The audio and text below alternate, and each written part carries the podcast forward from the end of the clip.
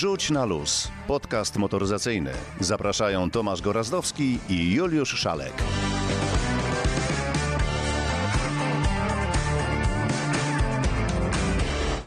Dzień dobry, dobry wieczór. W końcu nie wiadomo kiedy to pójdzie. To już 86. odcinek naszego podcastu. Coraz bliżej setki.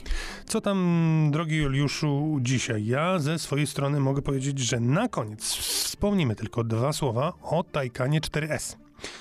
No, samochód za te pieniądze to ja w pewnych miejscach grożę mu palcem. I ja za to powiem o samochodach, które jeszcze, y, którym jeszcze nie grozimy palcami, bo to są absolutne nowości, czyli Volvo. Yy, I zajrzymy też do cenników, bo wiele ciekawego się dzieje w przypadku Skody. Niby samochody yy, no, są niedostępne, ale proszę bardzo, cenniki jak najbardziej się publikują i tam, ojej, można naprawdę chwycić się za głowę i wyrwać resztkę włosów, ale widzę, y, patrzę na ciebie i tych włosów już nie widzę. Jeżeli mówimy o samochodach popularnych, to wspomnimy dwa słowa o Renault. Tomek w swoim stałym cyklu opowie nam o USB w samochodzie. Niby takie banalne, ale posłuchajcie. No i powiemy także, co łączy Maserati, włoska taka marka samochodów luksusowych, i Barbie, postać y, Producentem taką jest blondynkę. No właśnie, taka blondynka, chociaż już teraz nie tylko blondynka, bo i są czarnoskóre i różne, różne, różne. Więc co łączy Maserati z Barbie? Zajrzymy na tor, bo y, Bartosz Ostałowski, nasz y, rajdowo-driftowy kierowca bez rąk, po, ustanowił rekord Guinnessa w szybkości driftu. 231 km na wejście 271 i tak przez 50 metrów patrzysz, jak zabijasz muchy boczną szybą. Czyli Ostałowski pobił Przygońskiego. Tak, y, wspomnimy również, y, co dzieje się u Kajetana Kajetanowicza, bo dzisiaj zaczyna się rajd Japonii, ostatni rajd w tym sezonie, no i jest realna szansa na tytuł Mistrza Świata w WRC2. Trzeba po prostu tylko ten rajd wygrać.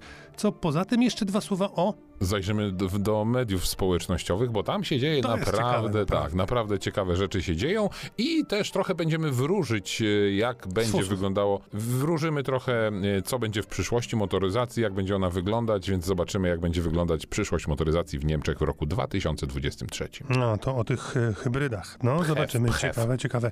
Zajrzymy również na moment do Sztokholmu, bo tam Szwedzi pokazali EX90. No, bardzo ciekawe. Podobno w Kalifornii to już sam cię do domu zawiezie. No, tam w Kalifornii to już nie takie rzeczy się dzieją, ale a no tak, to za, za, zachowam sobie na później te wszystkie moje tutaj projekcje na temat tego samochodu. Co ciekawego w świecie Boto? No to raz, dwa, trzy, baba jaka patrzy. Zaczynamy od... Dun, dun, dun. Volvo. Bardzo proszę.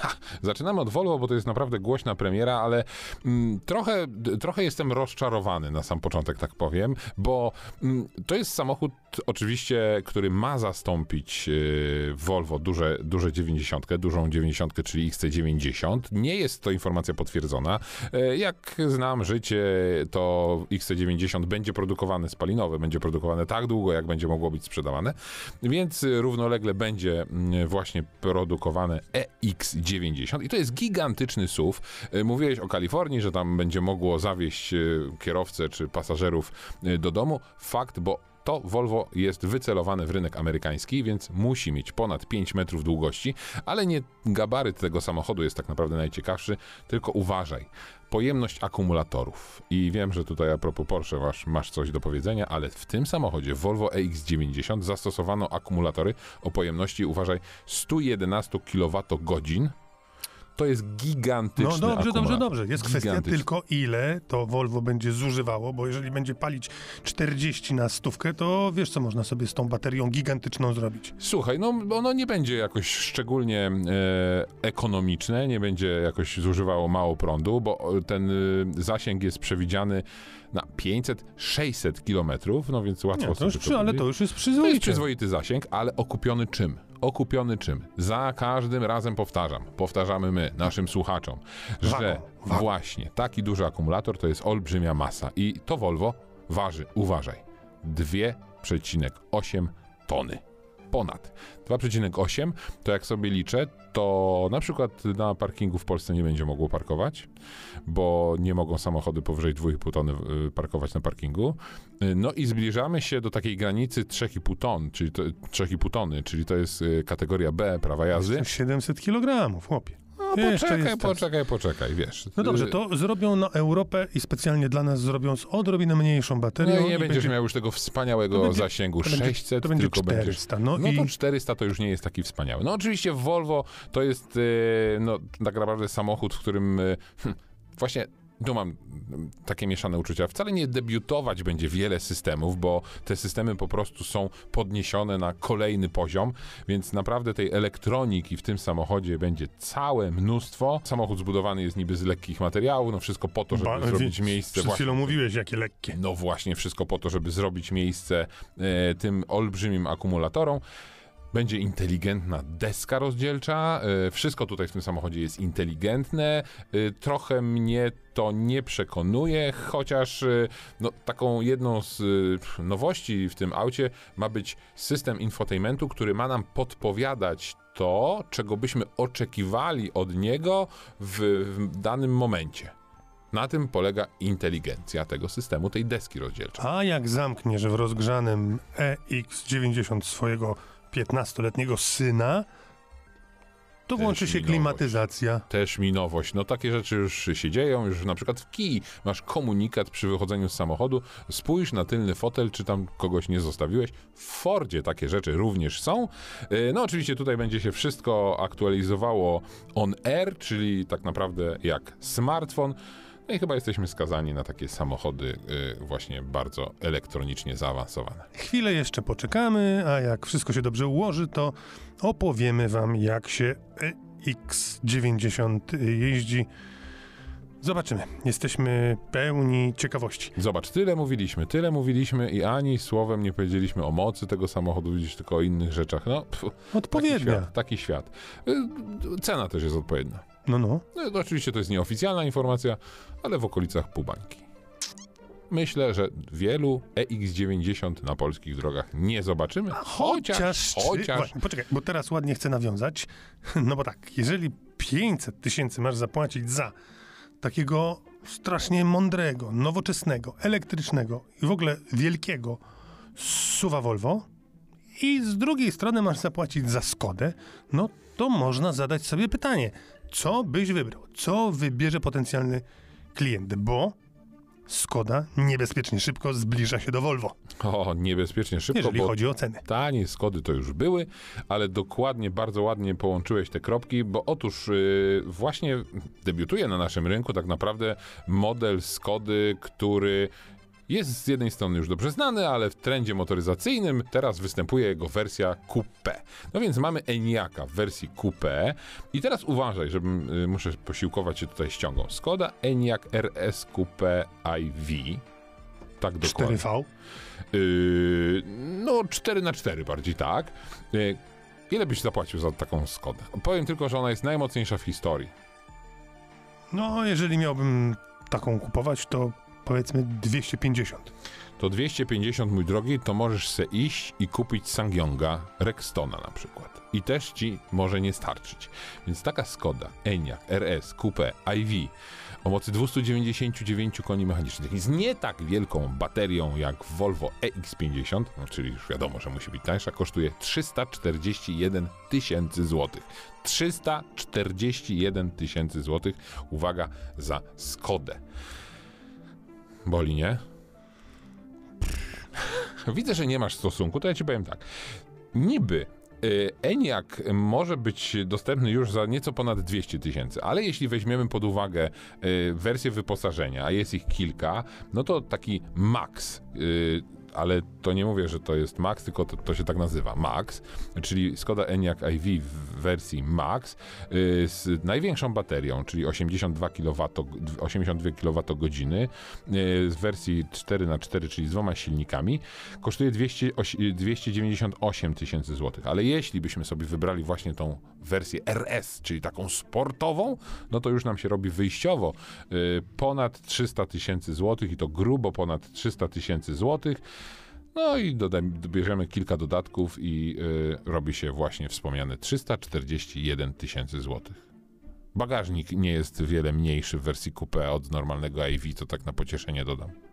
I na Hmm. pocieszenie dodam, że samochód jest tak opływowy, że jest trochę szybszy od y, wersji nie coupe. Dobra. Widzę, że cię Przekonałeś. nie do Skody. Nie, nie przekonałeś RS mnie. Przekonałeś Ivy. mnie jak najbardziej. E, Za moment porozmawiamy o Renault, ale żeby tak nie mówić o tych nowościach albo o pieniądzach i tak dalej, to ja proponuję, żeby oddać głos Tomkowi Okurowskiemu, No przecież gadasz cały czas, jak chcesz ale oddawać. wyobraź sobie, ile musi być gniazd USB w takim RS IV 4V Coupe. Nie wiem, ale na pewno są niektóre za dopłatą. Ale widzisz, jak się okazuje, gniazdo USB, gniazdo USB nierówne. Przekonuję się o tym zawsze ładując telefon. Włącz, wyłącz, uruchom ponownie. O technice i elektronice Tomasz Okurowski. Wydawać by się mogło, że to jest już e, w obecnych czasach właściwie taki niezbędnik, czy takie właściwie standardowe wyposażenie w każdym samochodzie. I właściwie ja się nie mylę i wy się nie będziecie mylić, jeżeli będziecie twierdzić tak samo. Właściwie w tej chwili trudno wyobrazić sobie współczesny samochód bez jakiegokolwiek gniazda USB. Ba, trudno sobie wyobrazić współczesny samochód bez jakichkolwiek kilku portów USB. Wszystko sprowadza się do tego teraz, jaki to jest standard e, gniazda USB, bo mm, w tej mierze panuje jednak e, e, duża dowolność, jeżeli chodzi o podejście producentów. Okazuje się bowiem, że o ile w nowoczesnych samochodach w tej chwili najłatwiej o, oczywiście o porty USB-C, to wciąż można znaleźć także w nowych autach w salonie jeszcze taki znacznie popularniejszy standard, czyli USB-A. No i okej, standardy to jedno. Muszę przyznać, że jeżeli chodzi o kwestię komfortu, to USB-C wydaje się znacznie lepszym rozwiązaniem niż USB-A, chociażby z tego względu, że pod względem tak zwanej wydajności prądowej jest po prostu znacznie, znacznie efektywniejsze. Co to oznacza mm, dla przeciętnego użytkownika? Ano tyle, że jeżeli zastosuje odpowiedni kabel i o tym za chwilę więcej, no to może liczyć przede wszystkim na to, że e, znacznie szybciej naładujemy baterię, na przykład e, w kompatybilnym telefonie. W porównaniu z portem USB-A to może być naprawdę duża różnica, ale na tym nie koniec. Bardzo, ale to bardzo dużo zależy od wykorzystanego przewodu. Tak jak w przypadku wcześniejszego standardu USB-A, także w przypadku standardu USB-C, uwaga, kabel kablowi czy przewód przewodowi nierówny. Bywa tak i tak zazwyczaj jest w przypadku przewodów, e, z, które możemy trafić w jakichś tam supermarketach i to takich w graninie, gdzie ten przewód jest oferowany zazwyczaj w tak zwanej nadzwyczaj promocyjnej niskiej cenie. Bywa, że po podłączeniu takiego przewodu do e, czy do mm, gniazda w samochodzie, czy do zasilacza, czyli tak zwanej ładowarki e, domowej, może się pokazać na ekranie telefonu komunikat, że to urządzenie może być ładowane szybciej, o ile zastosujesz odpowiedni przewód. No bo nie jest tajemnicą, że też niestety na przewodach można oszczędzać i w praktyce bywa tak, że niekiedy stosując niby z pozoru bardzo podobne przewody USB-C. Jednym z nich naładujemy na przykład w godzinę telefon. W drugim przypadku może być tak, że nawet przez całą noc, kiedy będzie telefon podłączony do ładowarki, nie naładujemy do 100%. Ba! Nie doładujemy czasami nawet do 50%, więc bierzcie to pod uwagę, kupując kabel, który będziecie wykorzystywali czy w domu, czy w samochodzie. Na tym nie koniec jeszcze, jeżeli chodzi o poradnik związany z USB i z przewodami. Otóż zwróćcie uwagę, kupując odpowiedni kabel, czy stosowny przewód z, służy tylko do ładowania, czy też na przykład obsługuje także tak zwany transfer danych. Bo nie jest tajemnicą, że dzięki e, przewodowemu połączeniu USB-C w samochodzie, na przykład korzystając z telefonu z Androidem i oczywiście uwzględniając odpowiednie radio i odpowiedni telefon, możemy liczyć na przykład na wykorzystanie bardzo popularnego trybu samochodowego, jakim jest Android Auto, czyli wybrane aplikacje z telefonu pojawią się na ekranie w samochodzie. Otóż jeżeli przewód nie będzie dostosowany do transferu danych, to owszem, da się w miarę sprawnie naładować baterię w telefonie, ale już o wymianie informacji pomiędzy radiem samochodowym a telefonem można zapomnieć, czy innymi słowy o Android Auto tym bardziej można zapomnieć na dobre, do czasu oczywiście, aż nie zastosujemy dobrego kabla. Na co zwrócić uwagę jeszcze? Często jest tak, że taką piętą achillesową, jeżeli mogę użyć takiego określenia, są wtyki. a ściślej to zakończenie z końcówką połączeniową określonego standardu. Czy to będzie standard, który jest e, stosowany w iPhone'ach, czyli Lightning, czy ewentualnie czy to będzie właśnie standard USB-C. Zazwyczaj takim newralgicznym punktem każdego kabla właśnie jest końcówka. Jeżeli kupimy kiepski przewód, to może się okazać, że ta końcówka dość szybko się wyrobi i bardzo często pęknie izolacja i wówczas ten przewód tak naprawdę naraża nas na to, że prędzej czy później dojdzie do zwarcia. Warto zaufać rekomendacji sprzedawcy, bo e, nie jest tajemnicą, że jeżeli tego przewodu będziemy używali dość często w samochodzie, a tak zwykle bywa, jeżeli na przykład codziennie wsiadamy, ruszamy w podróż i podłączamy przewodem telefon, to prędzej czy później szlak trafi ten e, wtyk i końcówkę i możemy sobie napytać biedy, doprowadzając do zwarcia, co może doprowadzić do tego, że nie dość, że na przykład możemy uszkodzić e, telefon, to może również dojść do uszkodzenia na przykład portu USB w samochodzie. Na tym nie koniec. Wbrew pozorom, nie każdy port w samochodzie, mówię o porcie USB-C czy ewentualnie USB-A umożliwi nam wygodne uruchomienie trybu CarPlay, czy to w przypadku iPhone'a, czy Android Auto, to w przypadku telefonów z Androidem. Zwróćcie bowiem uwagę na to, co wskazują producenci samochodów w instrukcjach obsługi. Bywa, że tylko jeden port USB w samochodzie obsługuje tryb Android Auto i CarPlay. Zwróćcie na to uwagę, bo bez tego może się okazać, że nie wykorzystacie jakże praktycznego rozwiązania. Czyli wniosek taki, dbajcie o końcówkę, zawsze, dbajcie o kabel, zawsze, no i dbajcie o gniazdo. Też trzeba o to wszystko dbać. To tyle o gniazdach i o wtykach, a teraz o tym wspomnianym Renault. O Czekaj, co bo chodzi? zwizualizowałem y, troskę o końcówkę. Ale okej, okay, okej. Okay. Yy, swoją drogą, wracając do tych y, gniazd USB, faktycznie jest ich potrzeba bardzo dużo w samochodzie, ale y, no, teraz ma być nowy standard, więc może to będzie tak, że jednak te kable będą...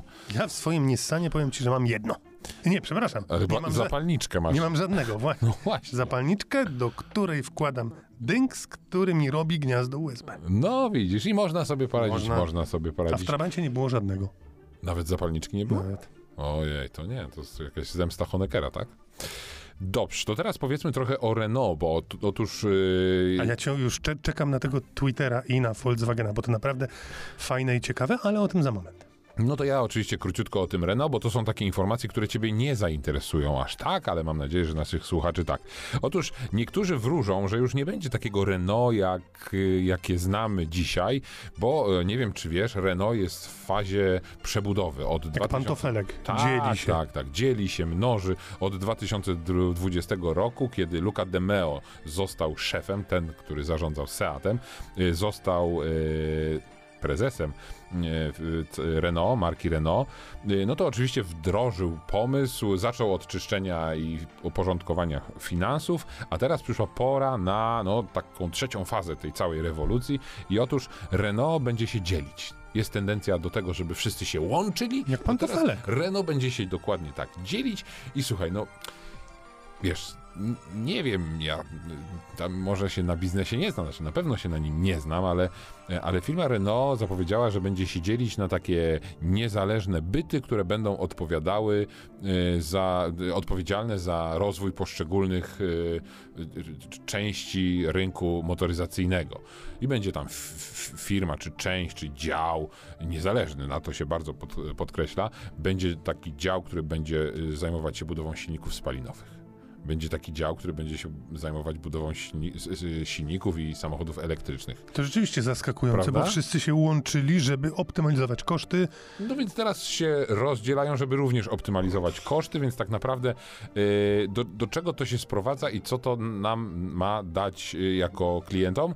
No, yy, da nam to nowe modele, które jak zapowiadają szefowie całego y, koncernu, nie będą tańsze, więc to wszystko będzie droższe. No i tak to będzie, e, tak to będzie wyglądać. Oczywiście te działy będą bardzo ładnie się nazywać. Na przykład jeden będzie Power, drugi będzie Ampere, drugi będzie Horse, będzie Alpina i będzie Mobilize. I najciekawszy, chociaż nie wiem czy najciekawszy, bo o tym się dużo mówi, ale jakoś tak no, nikt tutaj nic mądrego nie wymyślił. Będzie dział Mobilize, który będzie odpowiedzialny za usługi mobilności. No to... Hmm. No właśnie, no, no właśnie. ale rozumiem, że ci zatrudniający się do działu silników spalinowych to w świetlanej przyszłości nie mają. Trochę mają ograniczone budżety na pewno, ale widzisz, może to jest wszystko po to, żeby trochę tak jak u nas powstają firmy, fundacje, yy, wszystko, żeby nowi u nas, firmy, i fundacje. tak dalej. Izera wybrała platformę. Ale nie powiedziała jeszcze figes z makiem. Ha, ha, ha. Tak to robi Czyli, się powiedzia, Izerze. czyli powiedziała, że wybrała, ale nie powiedziała jaką, tak? Oczywiście, że tak. Będzie w tej sprawie stosowna y, informacja, będzie konferencja, Konferencja. będzie można wydać trochę pieniędzy na tę organizację konferencji. Pożyjemy, zobaczymy. Oczywiście wiesz, o jakiej platformie się mówi ostatnio? No wiadomo, gdzie był tam pan premier, minister Błaszczak. No Czyli więc tak to wygląda w Renault. Czołgi. Tak to wygląda w Renault. Będziemy mieli czołgi, będziemy mieli Izery. A swoją drogą, jak tak, bo już będziemy się trzymać chyba tego e, przyrzeczenia, które powzięliśmy przed naszymi słuchaczami, że nie będziemy mówić o Izerze, póki nie padną żadne konkrety.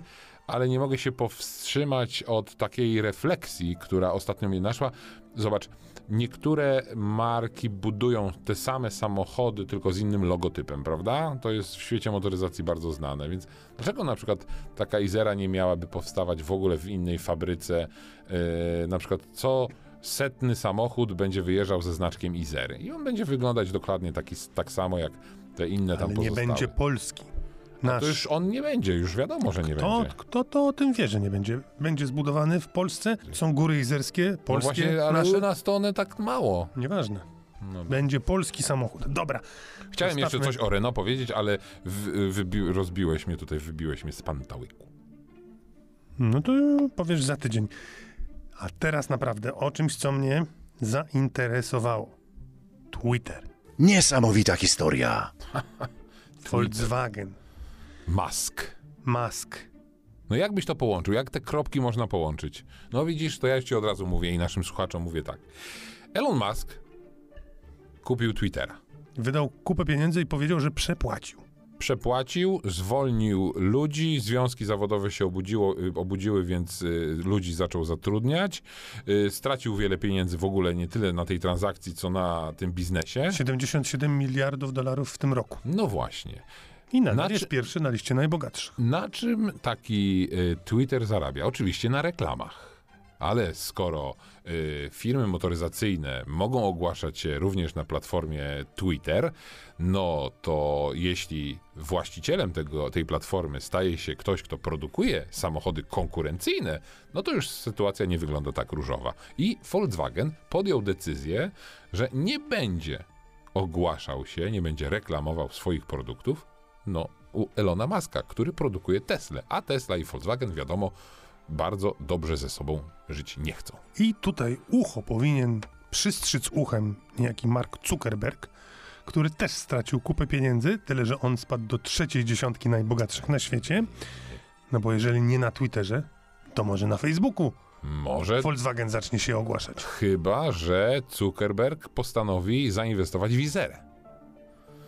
I widzisz, Wtedy Volkswagen przestanie. tak, ale my możemy A co się na to śmiać. Audi? No właśnie, my możemy Skoda? się śmiać, yy, tutaj trochę, wiesz, Seat? drwić z 77 miliardów dolarów i z podróży Maska na Księżyc, ale to są realne pieniądze i cały koncern, cała grupa Volkswagena również otrzymała rekomendację, żeby jednak te reklamy zawiesić, wstrzymać lub się wycofać z kampanii na Twitterze. A czy wiemy o jakich pieniądzach mówimy? Olbrzymich. Hmm. Czyli to prowadzi nas do tego, że Elon Musk no, nie zarobi na Twitterze tyle, ile by chciał. Chociaż już chyba o tym wie, bo powiedział, że przepłacił. Teraz będziemy mieć okazję, żeby przekonać się, czy to wizjoner, czy też nie. Może okazać się, że coś z tym Twitterem zrobi takiego, że nagle... I Ale wiesz, będą życie nie kupować. znosi próżni, powstanie co innego, ktoś inny wykorzysta tę lukę i TikTok być jest może... przecież. No jest TikTok i wiele innych platform. Dobra. Słuchaj, musimy powiedzieć o przyszłości motoryzacji w bardzo niedalekiej perspektywie. No ale przerwijmy, przerwijmy, żeby nie taką perspektywa o tych, tych... Chciałbym cię zabrać teraz na tor. Sprawy są bardzo aktualne. Zacznijmy może od tego, Ale że... nie na Tor Poznań. Nie. Zaczyna się właśnie rajd Japonii. W WRC pozamiatane. Ale Rowan Pera został mistrzem świata, ale trwa walka o tytuł mistrza świata w WRC 2. Kajetan Kajet- Kajetanowicz ma realne szanse na zdobycie tytułu mistrza świata, do którego w zeszłym roku zabrakło mu cia, skrawek paznokcia dosłownie. A w tym roku y, jest realna szansa i może być lepiej. Będzie lepiej. No, jak wygra, to będzie mistrzem świata. Więc na przykład tego się trzymajmy. No to przenieśmy się na moment do Japonii. Jesteśmy na miejscu ostatniej e, rundy rajdowych Mistrzostw e, Świata. Ona mieści się w Japonii, e, bardzo daleko od Polski, ale to już kolejny rajd poza kontynentem, w którym bierzemy udział w tym roku. Nowy kompletnie dla nas rajd, kolejna runda, całkiem mi obca, więc będzie to wielkie wyzwanie, ale tym razem też dla innych zawodników jest to nowy rajd. Bardzo dawno temu, chyba 12 lat temu ten rajd ostatni raz jechał jako rajd szutrowy. Teraz mamy rajd asfaltowy, więc kompletnie inne odcinki specjalne. Oczywiście są tutaj zawodnicy miejscowi, którzy znają te trasy, ale my ścigając się o podium walczymy z tymi e, zawodnikami, którzy regularnie e, startują w cyklu. Życzymy Kajetanowi i Maćkowi powodzenia, bo trasy nowe, trudne, no ale trzeba wygrać z konkurentami. I zostajemy jeszcze na torze, bo wyobraź sobie, że na lotnisku w Pile niejaki Bartosz Ostałowski. Znasz człowieka? Oczywiście. Super kierowca, super facet, super człowiek, super drifter. Okazało się, kierowca. że ustanowił rekord Guinnessa w, prędkości jazdy w drifcie. 271 na wejściu, potem 50 metrów złożony w kącie powyżej 30 stopni, Czyli bokiem, bokiem. bokiem, dochodziło do 60 stopni. W związku z tym, no to było... Wtedy odpuścił troszeczkę i stało się 230, a nie 270, tak? No, pamiętaj, że jadąc w drifcie, jadąc bokiem, bardzo wytracasz prędkość. W związku z tym, jak wjeżdżał, było 278, a średnia z przejazdu jest 231. W związku z tym, no tak czy siak, mamy najszybszego faceta jeżdżącego w drifcie, kierującego stopą. I jest to rekord, który no, jest nie lada wyczynem, bo poprzedni rekord należał do Kuby Przygońskiego, który w drifcie również y, potrafi. potrafi Byłem wtedy na tym lotnisku, to było na lotnisku w Ułężu i tam właśnie Kuba ustanowił ten No a tam rekord. szorstko jest, tam szorstko. który już jest nieaktualny. Posłuchajmy zatem rekordzisty Guinnessa. Wyjątkowy challenge dla mnie, pobicie, e, ustanowienie rekordu Guinnessa w zasadzie w największej prędkości driftu, prowadząc stopą. E, Wyzwanie o tyle duże, że no, wkraczaliśmy na nieznane wody. Jeszcze tak szybko nie jeździłem, więc wiedziałem, że no, wszystko może się tak naprawdę wydarzyć, ale bardzo chciałem e, jakby pobić te rekordy, które są, które są obecnie i, i to się wydarzyło. Pobyliśmy e, rekord polski.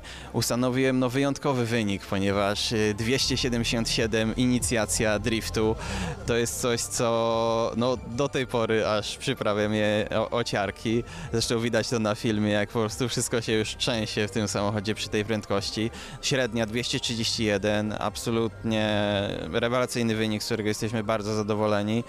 E, No i tak naprawdę ol, olbrzymia satysfakcja, że, że byłem w stanie to zrobić, że też wraz z naszymi partnerami połączyliśmy siły, żeby odpowiednio przygotować e, wszystkie aspekty techniczne, żeby ten rekord mógł się odbyć, żeby Guinness mógł zaakceptować ten rekord. No i można powiedzieć, że, że już nie jestem tylko jedynym na świecie kierowcą, który prowadzi stopą, ale też który jest najszybszym drifterem, można powiedzieć. Bartosz, jak się odnajdujesz w takich, y, w takich wielkich prędkościach? Coś nowego dla ciebie, no aż tak szybko. Kiedy przekroczyliśmy te 200, 220, już poczułem, że naprawdę robi się poważnie. Naprawdę tutaj każdy, każdy ułamek sekundy ma znaczenie, każdy ruch najmniejszy kierownicą olbrzymio wpływa na samochód. Był taki moment zawahania, trochę się przestraszyłem przez chwilę, że tak naprawdę no mega ważne jest to, co zrobię za tą kierownicą już teraz, ale po kolejnym przejeździe poczułem się już coraz pewniej i stwierdziłem, że dociśniemy na, na maksa. Rzeczywiście zamknęliśmy licznik, zamknęliśmy obrotomierz, co auto pozwoliło, tyle pojechaliśmy. Chyba nikt w Polsce tak szybko nie inicjował jeszcze poślizgu. E, No i, i przejechanie pod kątem 30 stopni. Nawet maksymalny kąt mieliśmy 60 stopni, więc to już blisko do pełnego złożenia auta. E, 231 rekord Guinnessa. I to jest super, bo oczywiście jak się jest, jak jest wyzwanie, to jest satysfakcja ze zrealizowania. Natomiast to jest fajne, patrząc na to, co robisz z boku, że to jest kolejna, kolejna bariera, wydaje się dla normalnych ludzi w pełni sprawnych y, nie do osiągnięcia. Tymczasem ty udowadniasz, że nie ma takiego słowa jak, niemożliwe. Tak, ja myślę, że to, to wydarzenie, ten rekord ma drugie dno, który pokazuje nasz potencjał, który pokazuje, że e, tak naprawdę wiele możemy osiągnąć, że, że, że myślę, że to może zainspiruje e, kilka osób do tego, żeby walczyć o swoje cele, o swoje małe rekordy w życiu. E, no i tak naprawdę, no, parę lat temu nie sądziłem, że będę w stanie podjąć się takiego wyzwania, a teraz jest to już za mną. Dzierżę, dzierżę certyfikat Guinnessa, y, który został oficjalnie uznany, więc dla mnie niesamowita kolejna przygoda i, i która też udowadnia, że, że, że no, też sam czekam, dokąd ta historia motorsportowa mnie zaprowadzi, bo, bo sam siebie chyba już zaskakuję w tym momencie. Niesamowicie pozytywny człowiek, niesamowicie no, biorący życie za rogi, a nie jest, nie jest łatwe, jak się nie ma rąk, ale facet się nie poddaje i realizuje. No Widzisz, można bez rzeczy. rąk chwycić życie za rogi. Można, nogą w jego No przypadku. właśnie, no właśnie. Słuchaj, ale jak mówimy o braniu życia za rogi, to studenci z Krakowa również mają zamiar wziąć życie za rogi i postanowili, a tak naprawdę zostali poproszeni o to, żeby zaprojektować kluczyk do Rolls-Royce'a. A czemu akurat oni? Ha, a dlaczego oni? Bo oczywiście mają tutaj doświadczenie, bo to jest Akademia Sztuk Pięknych, więc y, mają wszelkiego rodzaju kompetencje, by w takim projekcie wziąć udział. Dlaczego nie? Na przykład Akademia Sztuk Pięknych w Hamburgu. Być może Hamburg jest po prostu gorszy od Krakowa i dlatego y, ludzie młodzi z y, Małopolski będą mogli narysować, y, jak mógłby wyglądać kluczyk. To jest pomysł Rolls-Royce'a, który gdzieś tam kiełkował, no i stał się ciałem i właśnie studenci tej uczelni zostali poproszeni o, o takie w zasadzie stworzenie ciekawego wyzwania Mm, i czy oczywiście dojdzie do tego, że ten kluczyk powstanie, to jest do tego długa, strasznie długa droga, yy, różnego rodzaju akcepty i tak dalej, i tak dalej, ale no, jak ktoś sobie wpisze, że tworzył projekty dla Rolls-Royce'a, na przykład takiego kluczyka, to jest, myślę, no, coś znaczącego. A jeździłeś Rolls-Royce'em, to wiesz, że no ten kluczyk jakiś taki wyjątkowy to strasznie nie jest. No, więc studenci, myślę, mają tutaj duże pole do popisu i być może będziemy mogli powiedzieć za jakiś czas, że kluczyk narysowali studenci z Polski. Trzymamy kciuki, jesteśmy za. Zgadzam się z tobą co do Joty, ten kluczyk taki... No, oby tylko nie skończyło się tak, jak skończyło się w przypadku Maserati i współpracy z Barbie. No bo jak pada hasło Barbie, to jakie kolory rysują ci się przed oczyma? różowe. Ale się skończyło już. Barbie chyba już nie jest tylko różowa. No nie jest tylko różowa, ale widzisz jednak wyobraźnia działa, gdzieś tam masz to wdrukowane w głowę i otóż Maserati postanowiło również nawiązać współpracę, która już stała się ciałem i jest wymierna, y, z marką Barbie, czyli jakby właśnie z producentem y, lalek dla małych dziewczynek, chociaż chyba dzisiaj też Nie mogą tylko, lalkami się bawić chłopcy właśnie. Ja na przykład szyłem ubranka dla lalek mojej siostry. Y, To widać do dzisiaj. no, właśnie. I owocem tej współpracy są dwa egzemplarze Maserati Grecale, które są, zgadnij w jakim kolorze. Żółtym. Brawo. No nie, y, różowym.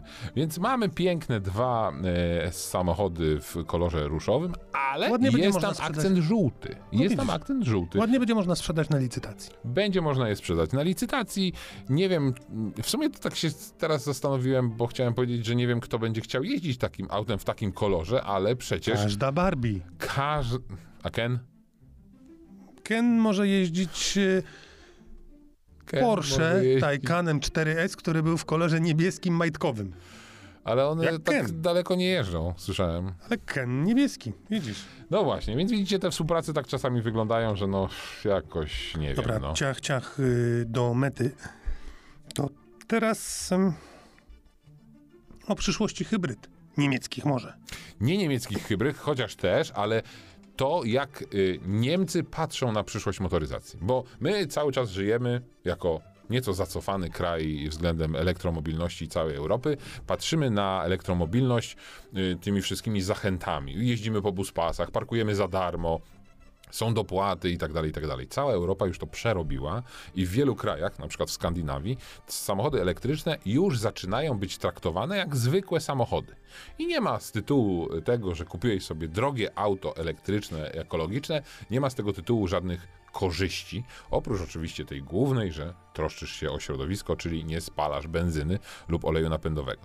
No i mm, takim pomostem między elektryczną motoryzacją a spalinową motoryzacją są oczywiście hybrydy plug-in, czyli ładowane z gniazdka, które umówmy się, że nie mają od samego początku dobrej prasy, bo jest spora grupa ludzi, która zarzuca właśnie takim samochodom to, że one duże, dużo palą. No bo Stralis mazgalis. Dokładnie tak, też się z tą zgadzam. Dla mnie to jest świetny pomost i możliwość jazdy albo na prądzie, albo y, na paliwie y, normalnym, takim spalinowym. I 95% czasu zapewne, jest to pewnie wyliczone, ale tak na zdrowy rozum, te samochody jeżdżą czysto na prądzie, bezemisyjnie. W No właśnie, tutaj bym się z tobą nie zgodził, Tak, nie chociaż co do czemu? idei się zgadzam, bo są badania i wiele badań mówi, że hybrydami plug-in jeździmy wyłącznie spalinowo, czyli palą te samochody nieco więcej, bo są nieco cięższe, bo wożą duże akumulatory. Wcale to jest jakby taka trochę naciągana teoria, bo jeśli faktycznie jako pracownik dostajesz taki samochód służbowy, to masz w nosie, czy jeździsz na prądzie, czy jeździsz na paliwie normalnym. Ale można stworzyć taki system, że jednak będzie wymuszał na tobie jazdę na prądzie elektrycznym. Więc jeśli prywatnie kupujesz sobie taki samochód, to moje zdanie jest takie, że świadomie kupujesz takie auto, Żeby jeździć na prądzie. żeby jeździć na A prądzie. jeżeli musisz dokładnie. jechać z teściową do szpitala, do Koszalina na przykład, to jedziesz na benzynie i się nie martwisz. Nawet do Krakowa dojedziesz bez postoju. Otóż to. No właśnie. No więc najczęściej więc jeździsz na prądzie. No ale teraz do sedna. Otóż okazuje się, że jednak lobby antyhybrydowo PHEV wygrało i w Niemczech od przyszłego roku samochody właśnie tego typu, czyli hybrydy PHEV, nie będą już w żaden sposób wspierane. Co ma miejsce dzisiaj i y, można na przykład takie auto kupić z dopłatą. U nas żebyśmy byli też sprawiedliwi, u nas nie ma systemu dopłat do tego rodzaju samochodów. Hybrydy, jak i PHEV, jak i każda inna hybryda są pomijane e, w tym całym programie Mój Elektryk. Tam jest tylko mowa o samochodach elektrycznych, czyli bezemisyjnych. No i od 2023 roku w Niemczech nastąpi normalizacja, jeśli chodzi o hybrydy PHEV. A u, nas, to- a u nas, warto chyba to wspomnieć, a u nas nastąpi normalizacja, patrząc oczywiście na stan prawny dzisiaj, od 2026 już na przykład samochody elektryczne nie będą mogły jeździć po buspasach Jest, chwila, chwila, jeszcze powtórz, tak? od 2026. Przynajmniej dzisiaj jest tak obowiązujące prawo. Y, Ustawa za, y, zapewnia, że właśnie do 2026 samochody elektryczne z mocy ustawy mogą jeździć po buspasach. Nie musi być tam napisane żadne DOP, żadne elektryk, żadne EV. Y, No i mogą też parkować za darmo w centrum miast. To katastrofa. To sprzedaż się załamie. Nikt Przecież teraz teraz- tej Izery nie kupi. Tylko, ale całe Piaseczno, czyli taka miejscowość podwarszawska, gdzie zafundowali buspas na Puławskiej, chciało kupić samochody elektryczne. Bo przecież stoją w niewiarygodnych korkach. Ale, ale poczekaj, poczekaj, bo to jest dobry trop, bo to jest dobry trop. Zobacz, kiedyś mogłeś hybrydą, samochodem hybrydowym, zwyczajną hybrydą, przejechać przez Nowy Świat w Warszawie. Czyli taki deptak, który no, służy tak naprawdę tylko do y, pojazdów kolumny prezydenckiej, m, premiera i autobusów. No. I to się bardzo szybko sko- skończyło. Dlaczego? Bo hybryd było bardzo dużo już y, w ruchu ulicznym. No więc tak naprawdę to by się stało, y, Nowy Świat stałby się normalną ulicą.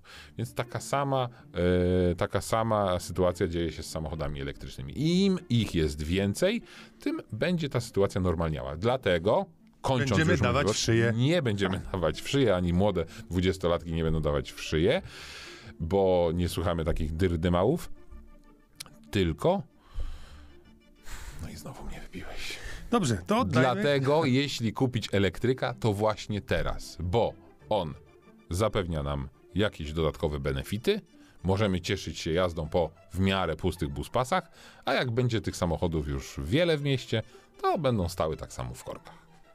To teraz oddajmy głos Baremu, który będzie nas namawiał do jeżdżenia czymś, czym w korkach stać nie będziesz. Pogoda jeszcze, no do jazdy motocyklem można powiedzieć w sam raz, bo z reguły o tej porze przecież to już zęby szczękały. Piotr Baryła o motocyklach. W studiu Piotr Baryła zatem o motocyklach będzie, a nawet mówiąc bardziej precyzyjnie, będzie o jednym motocyklu, którym ostatnio podróżowałeś i który nie jest y, takim chyba oczywistym wyborem dla wielu motocyklistów, ba, przed chwilą powiedziałeś, że niewielu motocyklistów wie o istnieniu takiego motocykla. Tak, rzeczywiście ten motocykl to jest taka ciekawostka, bo nawet jeżdżąc nim, kiedy spotykałem się z motocyklistami, którzy są na bieżąco z branżą, są na bieżąco z nowościami, co tak z zaciekawieniem patrzyli na ten sprzęt. Mówię tutaj o Suzuki GSX-S 950. Suzuki GSX-S 1000 to jest klasyczny, flagowy naked bike, najmocniejszy naked bike w ofercie Suzuki, czyli naked golas zbudowany na bazie tego supersportowego GSX-era 1000. Czyli obdzieramy go z owiewek, dajemy troszeczkę szerszą kierownicę, bardziej wyprostowaną pozycję, tak bardziej na miasto, obcinamy tą moc maksymalną, ale za to wzmacniamy dolny środkowy zakres obrotów, no i mamy takiego potężnego nakeda. Każda szanująca się marka na rynku ma takiego litrowego nakeda, czy to jest e, Yamaha MT-10, czy to jest Honda CB1000, czy to jest Kawasaki Z1000, no również Suzuki ma tego swojego GSX SA1000. No więc skąd się wziął GSX-S 950? Ty wiesz w ogóle o co chodzi, czy też? Nie mam zielonego Też pojęcia. No właśnie, więc oni mm, wzięli sobie tego GSX-a 1000 i po pierwsze jeszcze bardziej mu obcięli moc z tych stu kilkudziesięciu koni, bo litrowe nakedy to jest sto kilkadziesiąt, 160 koni często, obcięli mu tę moc do 95 koni mechanicznych. Mm, Mało tego, możesz go sobie jeszcze kupić w wersji na kategorię prawa jazdy A2. Czyli z tych 95 koni można znów połowę obciąć i wtedy zostaje ci już motocykl na dwójkę, ale mniejsza o to, bo to jest kategoria tak zupełnie niepopularna w Polsce, że w ogóle możemy o niej nie rozmawiać. Tak czy inaczej w ofercie mamy te 95 koni, no ale to nie jest jedyna różnica, bo tam jest jeszcze troszeczkę gorsze wyposażenie. Wyposażenie z niższej półki, czyli słabsze zawieszenie i słabszy układ hamulcowy. W tysiącu jest Brembo, tutaj jest Tokico. Brzmi fajnie, prawda? Póki co, tak. Póki co tak. Mm, I ten motocykl kosztuje mniej, czyli ma mniej mocy, kosztuje też mniej. Ja jak wrzuciliśmy film na naszego YouTube'a Motogen, zapraszam, tam już jest test GSX-a 950, to napisałem, że to taki litr na pierwszy motocykl. Brzmi intrygująco, bo to każdy się za głowę od razu łapie i mówi, jak to litr na pierwszy motocykl? No tak, ale on ma 95 koni. 95 koni to jest tyle, ile na ogół mają motocykle klasy 600. Tutaj, chociaż on się nazywa 950, to jest wciąż dokładnie ten sam silnik, to jest wciąż dokładnie litr pojemności. Tyle, że mocy mniej. No tak, Piotrze, ale y, w zasadzie to dla kogo taki y, motocykl jest? No bo jeżeli ktoś uważa, że dla niego litrowy, mocny motocykl jest za mocny, no to kupuje y, słabszy. Tymczasem, no właśnie, do czego to prowadzi? Dla kogo to jest? Kto No, to kupuje? Właśnie, bo teraz pytanie, to skoro mm, chcę motocykl słabszy, to mogę kupić 600, która przecież kosztuje mniej niż GSX-S 950 Otóż to. I po co mi ten skastrowany 1000? Mm, No dobrze, tylko że mówimy tutaj o mocy maksymalnej 95 koni. Ale jak spojrzysz sobie na przebieg krzywych oddawania mocy i momentu obrotowego, to się okazuje, że ten GSX-S 950 oferuje bardzo fajny, mięsisty dół i środek, bo on w dolnym i w środkowym zakresie obrotów zachowuje się praktycznie tak samo, a mówię to na podstawie nie tylko odczuć, ale też na podstawie odczytów z hamowni, bo zabraliśmy go na hamownię i porównaliśmy z 1000 i rzeczywiście on do 7000 obrotów na minutę zachowuje się mniej więcej tak jak 1000, czyli daje ci fajne wrażenia, bardzo dobre przyspieszenia w dolnym, w środkowym zakresie obrotów. A przypomnę tylko, że te obroty, z których tak na ogół na co dzień w mieście korzystamy, to właśnie jest dolny, środkowy zakres. Rzadko motocykl kręcimy tam wysoko, powyżej tych 7000 obrotów. Więc dla kogo? Dla takich trochę bardziej początkujących, którzy nie chcą, boją się albo po prostu nie potrzebują więcej mocy, którzy nie potrzebują zawieszenia z wyższej półki, bo nie jeżdżą na torze, ale jednocześnie których no kręci to, że będą mieć litra i że będą mieć tego dużo momentu obrotowego w tych dolnych zakresach obrotów. No dobrze, no to oczywiście muszę zapytać cię o cenę. Cena GSX-a 950 to jest w tym momencie 46 900 zł. No i motocykl sprawdza się prawie w każdych warunkach, jeżeli jeszcze jest przyjazna temperatura. A ja w tym roku tak mało motocyklem pojeździłem. Aj, aj, aj, aj, aj. No to na koniec, słuchaj, tylko tak wspomnijmy, bo rozwiniemy się zapewne za tydzień w naszym teście Porsche Taycan 4S. Wow. No to spróbujmy. Do, Widziałeś kiedyś samochód, który do żyje Łodzi, wow. do Łodzi, wow, bo do Krakowa już, czy do Gdańska z Warszawy niestety żaden wow, bo, bo nie dojedziesz na jednym ładowaniu, tankowaniu. I to jest duży minus. Samochód, który kosztuje tak koszmarne pieniądze. A, tam pogadaj z tymi jest- wszystkimi, którzy mówią, zaplanuj sobie prasę, pra, trasę, weź odpoczynek, y, zaplanuj, weź wypij kawę, zrób sobie Kawę, w ogóle coś. chyba y, Kolumbię całą wypij. Wyobraź sobie, że pojemność baterii potężna, Ale nie tak jak w Volvo. nie tak jak w Volvo, no ale pozwalająca na przejechanie 300 km, dojeżdżasz powiedzmy do granic Krakowa bądź pod Kraków, no i masz zero. Więc musisz na, zatankować, za, zaelektryfikować się. No i kawę? Kolumbię, już powiedziałem. No, Kolumbię musisz chyba całą wypić. Ale słuchaj. To trwa i trwa i trwa. Jeżeli nie masz garażu, w którym to w nocy ładujesz, albo zostawiasz go gdzieś, Gdzie to... tam w garażu? Przecież takiego samochodu nie naładujesz w garażu, bo będziesz go ładować 3 dni z takiego normalnego prądu. Tu musisz mieć naprawdę potężny słup energetyczny. No właśnie. 100 kW to jest w ogóle minimum, jakie, jakie może być, A ale jak w kolejce naprawdę... przed tobą są trzy samochody, to dziękuję to jeszcze Kolumbia. tak. Czyli cała Kolumbia. Yy, ale tylko zajawiamy, bo oczywiście potężna moc, potężne możliwości, niesamowite właściwości jezdne i to Mhm. jest naprawdę rzecz, która no, zapiera dech. Yy, ja miałem z kolei okazję jeździć tym samochodem po torze i wieloma samochodami, także spalinowymi, jeździłem bądź byłem wożony po torze i zawsze z reguły Byłem na wożony. koniec, na koniec takich, yy, takich jazd czy jakichś szkoleń jest oczywiście taxi drive, czyli udowodnienie kursantom, że jednak nie potrafią jeździć, czyli boczury, slajdy, może nie z prędkością 230 e, jako Stałowski, ale naprawdę to robi wrażenie i słuchaj, po raz pierwszy zdarzyło mi się, że e, właśnie Porsche Taycan nie był w stanie przejechać dwóch, trzech okrążeń, bo po prostu kończył opony niesamowicie. Dlaczego? Masa. I moc. Masa. I moc. Masa. I moc. Właśnie. A widziałeś kiedyś samochód, którego klapa bagażnika żyje własną, własnym życiem? Pewnie to jest Porsche Taycan, ale ja też dzisiaj się walnąłem w klapę innego samochodu. Ty się Tak- walnąłeś, tak a nie nisko- klapa, nie klapa cię walnęła. Mało brakowało, bym został zdekapitowany. Nie, No. nie, do, przynajmniej do setnego odcinka nie może to się stać. E, Wrócimy z tym za tydzień. To będzie kolejny odcinek, jak się wszystko dobrze ułoży. Usłyszymy się w czwartek. A na razie powiedzcie innym, podzielcie, wyślijcie, zaszerujcie, wytweetujcie, że jesteśmy.